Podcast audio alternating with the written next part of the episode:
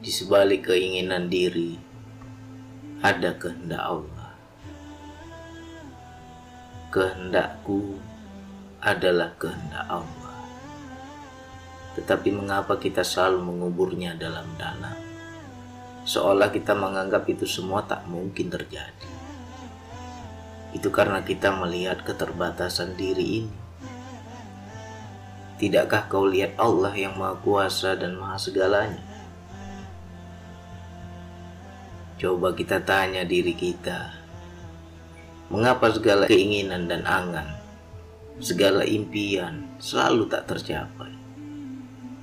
Seolah mustahil untuk meraih. Bisa jadi engkaulah yang menghijab dirimu sendiri karena terjebak oleh logikamu sendiri. Apa yang dikatakan oleh pikiranmu, ah tak mungkinlah. Ah bagaimana bisa? Bagaimana caranya? Dari mana uangnya? Itulah.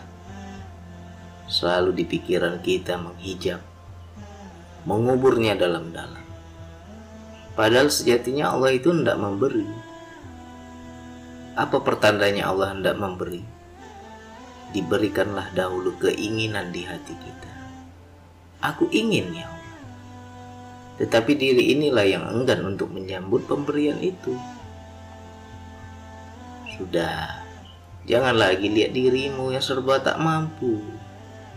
Lihatlah Allah yang maha memampukan.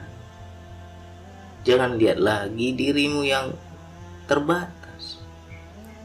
Lihatlah Allah dengan kuasanya yang tanpa batas. Jika kau tanam di hatimu, ya Allah, aku ingin ya. Maka satu dinding penghalang akan hancur. Tiada lagi sekat Aku yakin kau pasti mampukan aku ya Allah.